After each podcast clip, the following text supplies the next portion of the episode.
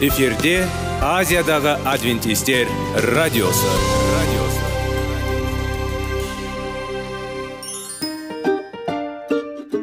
сәлем достар. Денсаулық өмір бұлағы және біздің бірінші байлығымыз демекші денсаулық сағаты рубрикасына қош келдіңіздер. Біздің рубрикада біз әртүрлі факторларменен мәліметтерменен кеңестерменен бөлісіп шын жүректен сіздердің дендеріңіз сау болғанын қалаймыз. Сол үшін біздің рубрикаға қош келдіңіздер. Дайындалып тұрыңыздар. Өйткені келесі минуттарда қызықты фактілерге ие боласыздар. Енді достар ең бірінші байлығымызды қолымызға алып алға кеттік.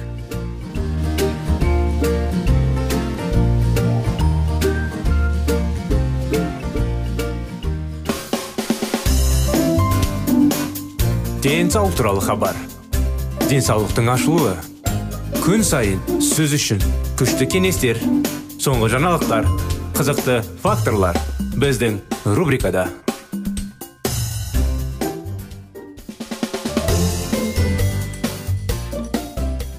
сәлеметсіздер ме құрметті достар құрметті біздің радио тыңдаушыларымыз біздің денсаулық сағат бағдарламамызға қош келдіңіздер құрметті достар сіздердің назарларыңызға салауатты болу салауатты өмір салты жайлы тақырыптарды жалғастырамыз шылым шегудің және де алкоголь ағзаға қандай қиындық қандай дұрыс емес жағдайға келетіндерін сондықтан денсаулықты қалай күтіп шылым шегумен ішімдіктерден қалай бас тарту жайлы тәсілдер мен мысалдар келтірілген. Сонымен мас шылым шегу жұмыс істеушінің жанында болатын гөрі уытты 30 минут ішінде. Пассивті темекі шегу өзі қауіпті. Жиі темекі шегу. Бірақ тәуекелдер онымен байланысты. Жабық бөлмеде болған кезде темекі түтіннің дем алу уақыты бойынша тұрақты созылған жағдайда. Егер жиі темекі шегушілер балалар мен жүкті әйелдер болса жиі темекі шегудің салдары адам денсаулығы үшін қысқа мерзімді салдарлар. Көптеген адамдар темекі шегулер емес нәтижесінде темекі түтіннің әсері жалпы ыңғайсыздық пен ауыр түтіркеудің бастан кешіреді. Темекі түтіннің әсеріне ұшыраған темекі шекпейтіндер тобының зерделеу күзінде. Он сұралғандардың жетісі тіктіргенген деп анықталады. Көз шырышты. Онының үшісі бас ауруына шағымданды және әрбір төртінші жөтел пайда болғанын атап өтті. Ұзақ мерзімді салдылар жиі темекі шегу және жүрек қан тамыр аурулары ақш ғылымдары жүргізген ірі зерттеулер темекі шегулердің айналасында үнемі жүрген темекі шекпейтін адам үшін жүрек қан тамырларда аурулардың туындау қаупі шамамен 30 пайызды құрайтынын көрсетті. Бұл тәуекел бір қатар темекі шегушінің темекі шегетін. Темекі санына пропорционалды артады. Сонымен қатар темекі шекпейтіннің сезімталдағы ашық болды. Темекі шегушіге қарағанда жалпы темекі шегуге жоғары. Жиі темекі шегу қысқа мерзімді бұзылулармен қатар жүрекке кесе әсер етеді. Оның функциялары елеулі және ұзақ патология жүрек үшін қысқа мерзімді залал жиі темекі шегудің нәтижесінде мынандай фактілер анықталды. Жүрек бұлшық етіне. Физикалық жүктемені тасымалдау қабілеті азаяды. Зертханалық зерттеулер де көрсетілді. Бұл жиі темекі шегу артерияның бітілуіне байланысты және оның негізінде көптеген жүрек қан тамырлары патологиялары жатқан атеросклероздың пайда болуына және жедел дамуына ықпал етеді. Жиі әсермен атеросклероз қалай дамиды темекі шегуге? Жиі темекі шегу кезінде қанға түсетін никотин қан жасушаларының тромбоциттер қабілетін арттырады. Агрегацияға слипанияға жаңағы жапсуына әкелуі мүмкін. Қан тамырлардағы тромбтар. Белсенді емес темекі шегушілерде тромбтардың пайда болуына ықпал етеді. Және оларда қандағы фибронионге ақауыз мөлшері айтарлықтай артады. Қан ұйынады егер қан ұйыған немесе тромбты болған жағдайда жүрекке апаратын артерияларының бірінде пайда болды. Миокард инфарктісі дамуы мүмкін. Бұған никотин адреналин қанына шығуын ынталандырады. Және оған жақын заттар. Бұл тамыр қабырғаларының зақымдауына әкеледі. Бұл тамырларды бейімділікке арттырады. Атеросклерозикалық зақымдануға қарай және артериялық қабырғада фиброзды қалпақшалардың пайда болуымен дәнекер тіннің өсуімен қатар жүреді. Нәтижесінде санылау ыдыс айтарлықтай таралды. Ал оның қабырғасының қалыңдығы артады. Тарылған қан тамырларының өткізу қабілеті азаяды және органдарға қан жеткізу күрт төмендейді. Кейіннен мүлдем тоқтатылуы мүмкін. Жиі темекі шегу және обыр халықтың әртүрлі топтары арасында жүргізілген зерттеулер жиі темекі шегудің және өкпе обыры аурулары сәйкес статистикалық адамдарда өкпе обырының даму қаупі темекі шегудегі қарағанда 15-30 пайызға жоғары. Сонымен қатар белсенді емес темекі шегу нәтижесінде сүт безенің қатерлі ісігінің даму қаупі бездер 70 пайыздан ал бүйрек обыры 10-15 пайызға өседі. Бала денсаулығы және пассивті темекі шегу темекі түтін бала денсаулығына ұрықталған сәттен бастап зиянды әсер етеді. Әлі туған бала жиі темекі шегу ретінде қарастырылуы мүмкін. Себебі ананың қан айналымы арқылы ол үлкен мөлшерде алады. Темекі шегудің жанама өнімдері болып табылатын зиянды заттар. Жүкті әйел дем алуға мәжбүр болғанда қоршаған темекі түтінін қалай бағалауға болады? Оған және балаға әдей зиян келтіру. Жиі жүктілік кезінде темекі шегу осындай себеп болады. Патологиялық жай күйлер ерте босану қаупі жоғары. Абгар шкаласы бойынша балдардың төмендеу жана туған нәрсенің нәрестенің жағдайын тез бағалау жүйесі. Туу кезінде ұрық пен баланың салмағы төмен бұл физикалық және психикалық дамудағы артта қалушылыққа әкелуі мүмкін. Қосымша күтуді ұйымдастырады талап етуі мүмкін. Кенеттен бала өлімі синдромның жоғары қаупі. Атопиялық дерматит және балада басқа аллергиялық аурулар. Егер ересектер әлі де өзіне төтеп бере алатын болса онда балалардың қатысуымен жазасыз түтінге түсуге. Көптеген адамдар мүмкіндік береді. Құрғақ бөлмеде емшекпен емізу бұл кіріспе балған ингаляциялық әдіспен үлкен мөлшерде немесе тежелуі мүмкін улы заттар жүйке жүйесі немесе оның қозуы. Балалар жасындағы жиі темекі шегулердің неврологиялық қиындықтар оңай емес. Олар сәйкес келеді жалпы тәрбие мәселелері. Алайда бұрын байқалған сонымен қатар темекі түтінмен адам алуға мәжбүр болған балалардың білім беру мекемесінде үлгерімі нашар ұйықтау есте сақтау бейімделу қиындықтар бар. Ұжымда жоғарғы қозу мен невроздықталға байланысты. Мінекей достар осындай анықтамалар. Енді бұл тақырыптың жалғасын әрине келесі жолы жалғастырып беремін сіздерге. Келесі жолы сіздерді қуана күтеміз. Келесі жолға сау саламатта болыңыздар.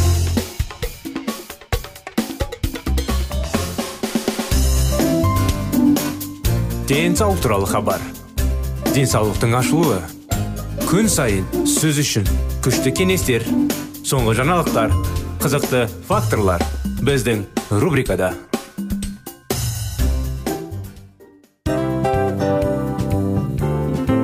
Әуелі байлық денсаулық екінші байлық он саулық үшінші байлық ақ жаулық. Ал енді осындай радио парақшадан кейін не дейміз? Барлықтарыңызға денсаулықтарыңыз зор болсын деп тілейміз. Денсаулықтың өзгеруі кішкентай нәрселерден басталады. Осымен біз берген кеңестер мен мәліметтер шын жүректен сіздер үшін қандай да бір болсын жәрдем берді деп үміттенеміз. Тыңдаушыларымызбен келесі радио парақшасына дейін қоштассамыз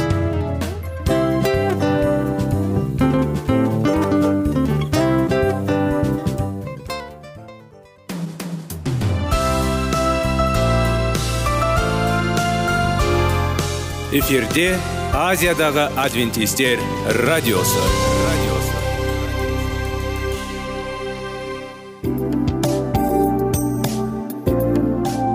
Сәлем достар. Барлықтарыңызға шын жүректен сөйлесек рубрикасына қош келдіңіздер деп айтпақшымыз.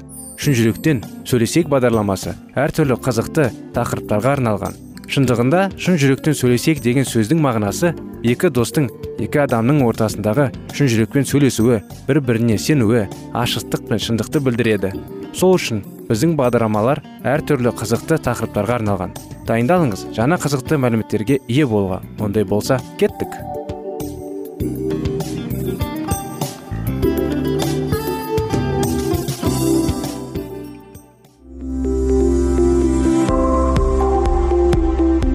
Алтын сөздер. Сырласу қарым қатынас жайлы кеңестер мен қызықты тақырыптар. Шын жүректен сөйлесейік рубрикасында.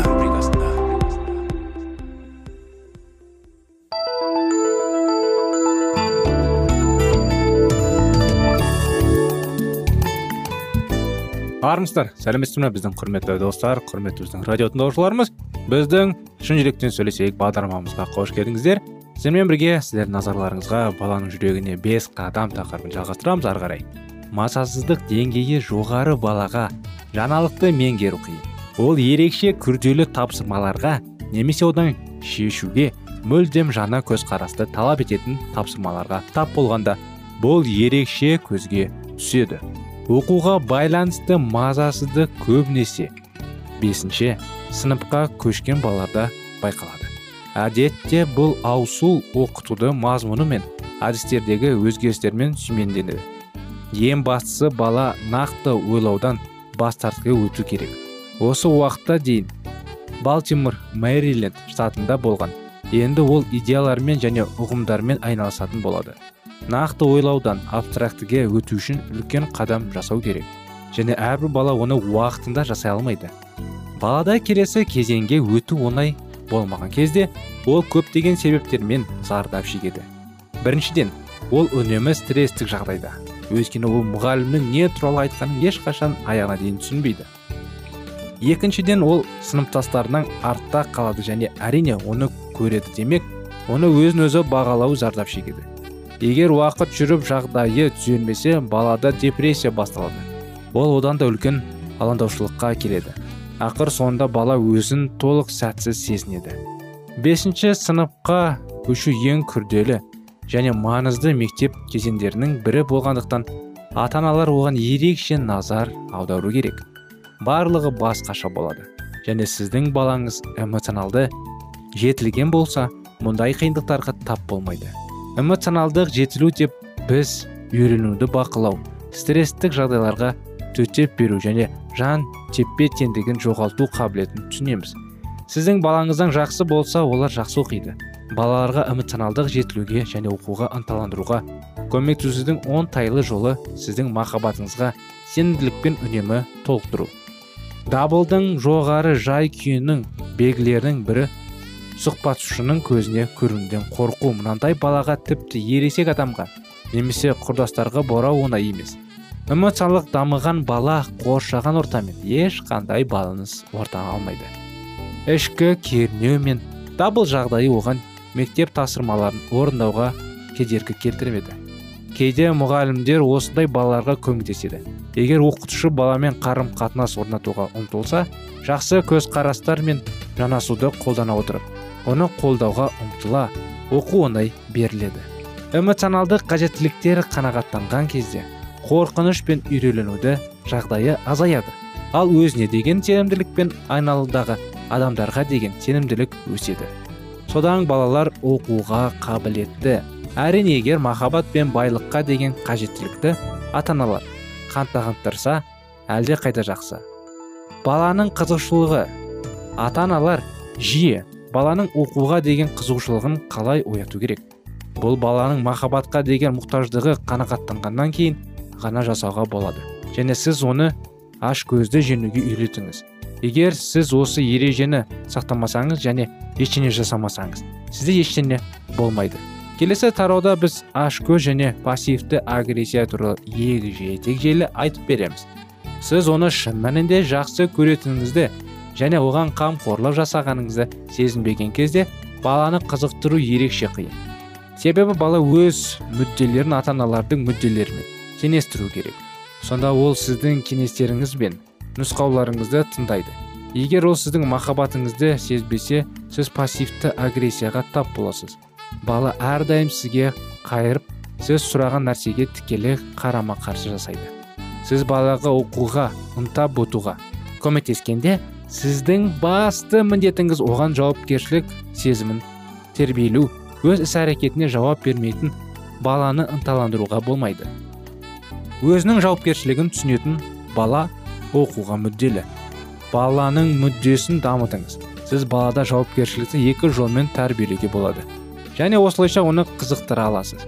Біріншіден оның бейімділігі бар екенін анықтаңыз. Оған не істеу ұнайды? Ол жақсы оны неге тартады? Оны көтеріңіз. Қолдау онда бұл қызықшылық. Егер сіз баланы музыканы сүйетінін және онымен айналысқысы келетінін көрсеңіз оны музыкаға мектебіне беріңіз. Алайда бастама әрдайым оған тиесілі болу керек. Ата аналар балаға музыка сабақтарын алу керек деп шешсе бұл сирек нәтиже береді. Балаға дербестік беріңіз. Баланы бір нәрсе қызықтырудың екінші тәсілі ұмытпау. Жауапкершілік әрқашан беру өзіне алады. Не сіз не ол. Егер сіз балаға бастамшылық танытуға мүмкіндік берсеңіз және оған кедергі келтірмесе ол жауапкершілік оған жатады. Сондықтан ол қалай ойлағанын жасауға тырысады. Оның ішкі ынтасы бар. Егер бастама сізге тиесілі болса және сіз баланы қызықтыратын нәрсемен айналысуға сенесіз. Табысқа деген жауапкершілік сізге. Бұл жағдайда бала тырысуы екі талай өйткені оны іштен іс әрекетке итермелейді. Мұны үй тапсырмалары мен белгілер мысалдары қарастырайық. Дамудың белгілі бір кезеңдерінде барлық балаларда үй тапсырмалары мен қиындықтар басталады. Осылайша жиі пассивті агрессия пайда болады. 13-15 жастағы пассивті агрессивті мінез құлық қарапайым іс. Мысалы бала ата анасын отырғысы келеді. Бұл пассивті агрессия. Және ол ең ауыр жерге лақтырады. Ол ата анасын көбірек ренжітеді. Ал көптеген отбасыларда ата аналар көбінесе белгілер туралы мазалайды. Осылайша ата аналар белгілер мен үй тапсырмаларына көп көңіл бөлген сайын балада бұл іс соғұрлым нашар болады. Ол ата анасының қалауына қарсы тұрады және нашар оқиды. Есіңізде болсын сіз үй тапсырмасын мұқият тексерген сайын бала аз жауапкершілікті сезінеді. Мінекей осы анықтамалар. Құрметті достар құрметті біздің радио тыңдаушыларымыз. Осымен бағдарламамыз аяғына келді. Сіздерменен бірге шын жүректен сөйлесейік бағдарламасы баланың жүрегіне бес қадам.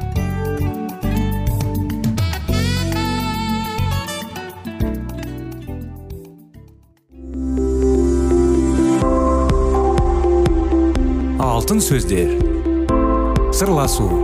Қарым қатынас жайлы кеңестер мен қызықты тақырыптар. Шын жүректен сөйлесейік рубрикасында.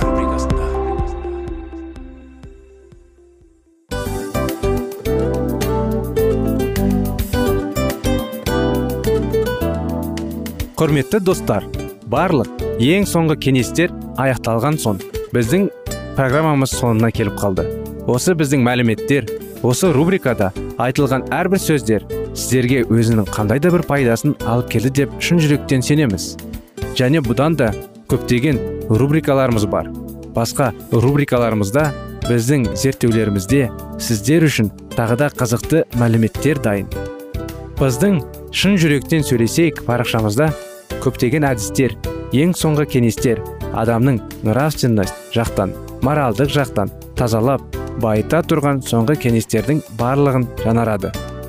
сондықтан алдыңғы күндерде бізбен бірге болыңыздар.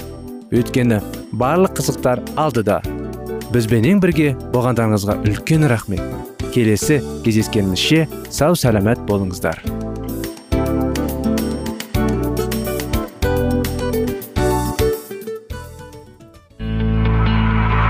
Жан дүниеңді байытқан жүрегіңді жаңғыртқан өмірдің мағынасын ойландырған рухани жаңғыру рубрикасы.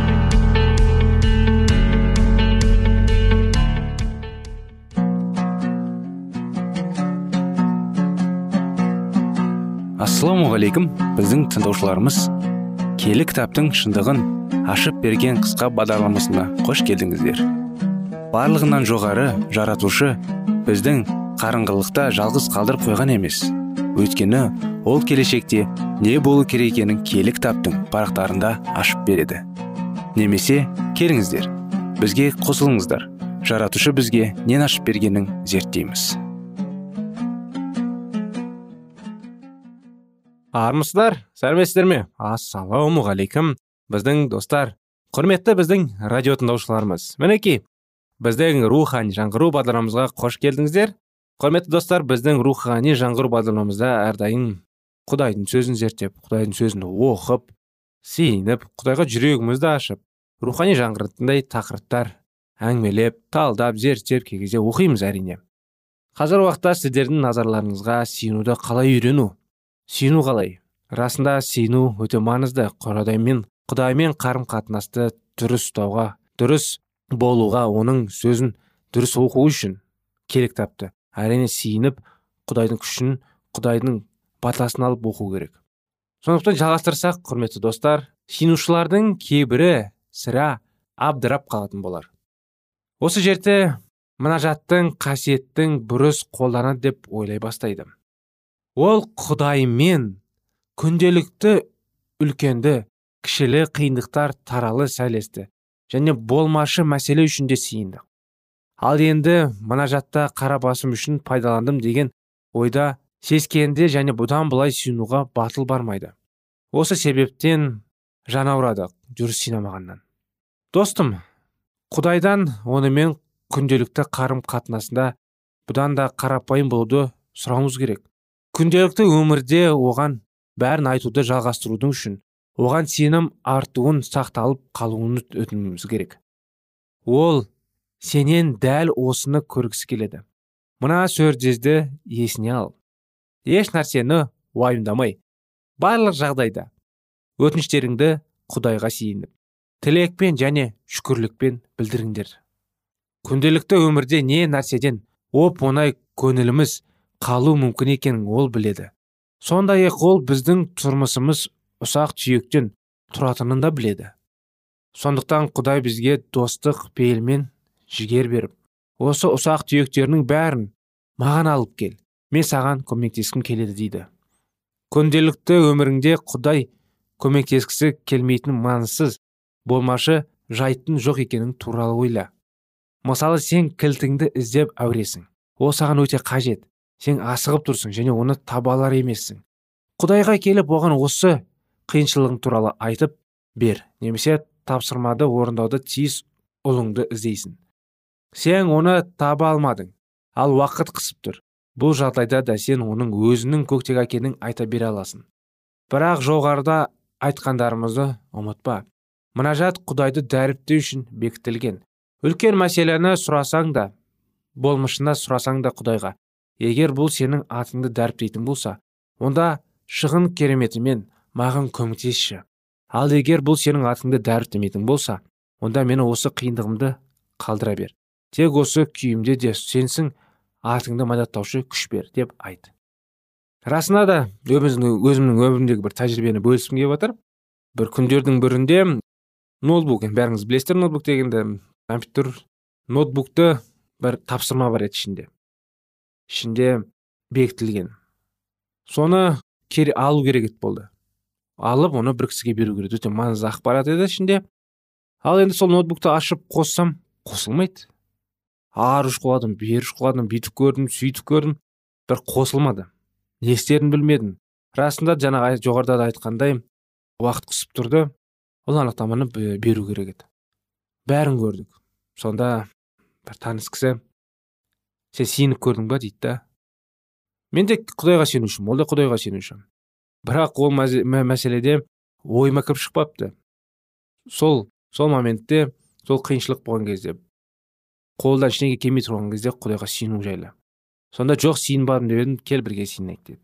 Сондықтан сол кезде құдайға сиындық сеніп болған соң көмек сұрап жаңағы анықтаманы беру керек жайлы компьютердің қосылу жайлы сеніп енді аумин деп болғаннан кейін жүрегім дүрсілдеп қалай болар екен деп.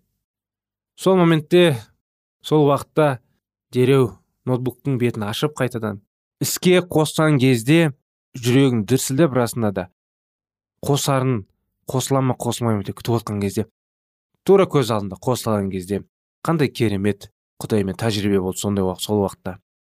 Бұл негізгі тәжірибенің бір шет жағындағы кішігірім тәжірибе. Құдай бізге өзінің керемет тәжірибелерін береді бізбен бірге. Әрине денсаулық жайлы. Тәжірибелерді айта берсем оның бәрі шыға береді. Денсаулықтың жайында емдеген тәжірибе құдайдың арқасында емделген тәжірибелер. Міне осы жаңағы кішкентай ноутбуктың бір кездерде ұялы телефонның антеннасы ұстамай бір айдалада ұстап сиынған арқасында ұстап қалған тәжірибелер де болды. Сіздердің өмірлеріңізде де ондай болады. Сол үшін сеніп жүруіңіз керек. Бірақ әлдекім мұнажатының күші мен әрекетін әсер етеді деп ойлауы мүмкін. Бірақ бұл бұрыс түсінік.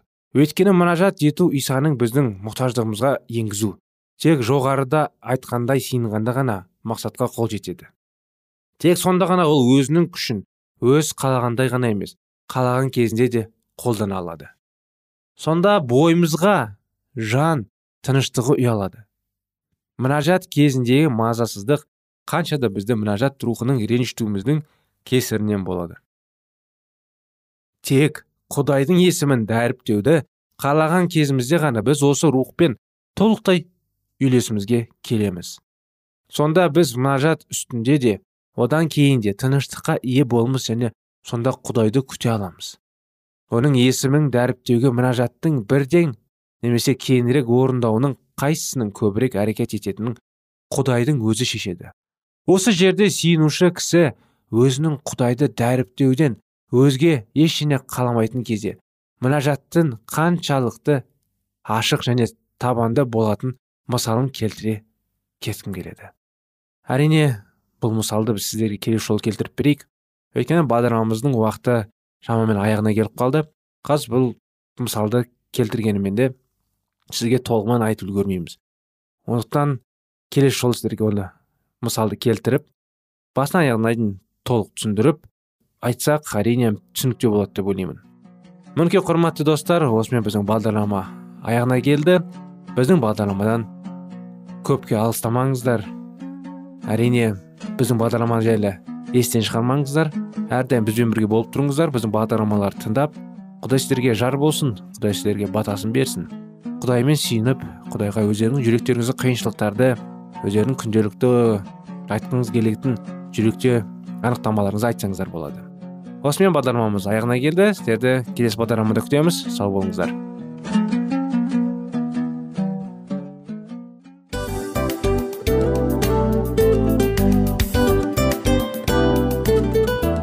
Достар біздің радио парақшамыз өзінің соңына келіп те қалды. Демек бұл программамыздың қорытындысын айта кету керек. Негізі істің басталып жатқанын қуанту керек пе? Әлде оның қорытындысы қуанту керек пе? Сіздер қалай ойлайсыздар? Меніңше қорытындысы деп ойлаймын. Себебі жасаған ісінің жемісін көріп қорытынды арқылы бағалап жүрегін қуантады. Баяғыда айтқандай бидайды сепкенде емес бидайдың жемісін жинаған кейін ыстық нанды жегенде кәдімгідей рахаттанасың ғой. Осымен біздің бағдарламамыздың аяғында тыңдаушыларымыз қандай пайда алды екен деген ойдамыз. Егерде өткен сфераларда пайдалы кеңес алған болсаңыз біз өзіміздің мақсатымызға жеткеніміз. Бүгінгі 24 сағаттың алтындай жарты сағатын бізге бөліп ардағаныңыз үшін рахмет. Келесі кездескенімізше қош сау болыңыздар. Достар біздің бағдарлама бойынша сұрақтарыңыз болса әрине сіздерге керекті анықтама керек болса біздің whatsapp нөмірімізге хабарлассаңыздар болады. Плюс бір үш жүз бір жеті жүз алпыс алпыс жетпіс иә достар сіздер қателеспедіңіздер бұл біздің номерлерге ұқсас болмаса да бұл whatsapp номер арнайы хабарласыңыздар сұрақтарыңызды қойып тұрыңыздар анықтаманы алып тұрыңыздар плюс бір үш жүз бір жеті жүз алпыс алпыс жетпіс whatsapp номері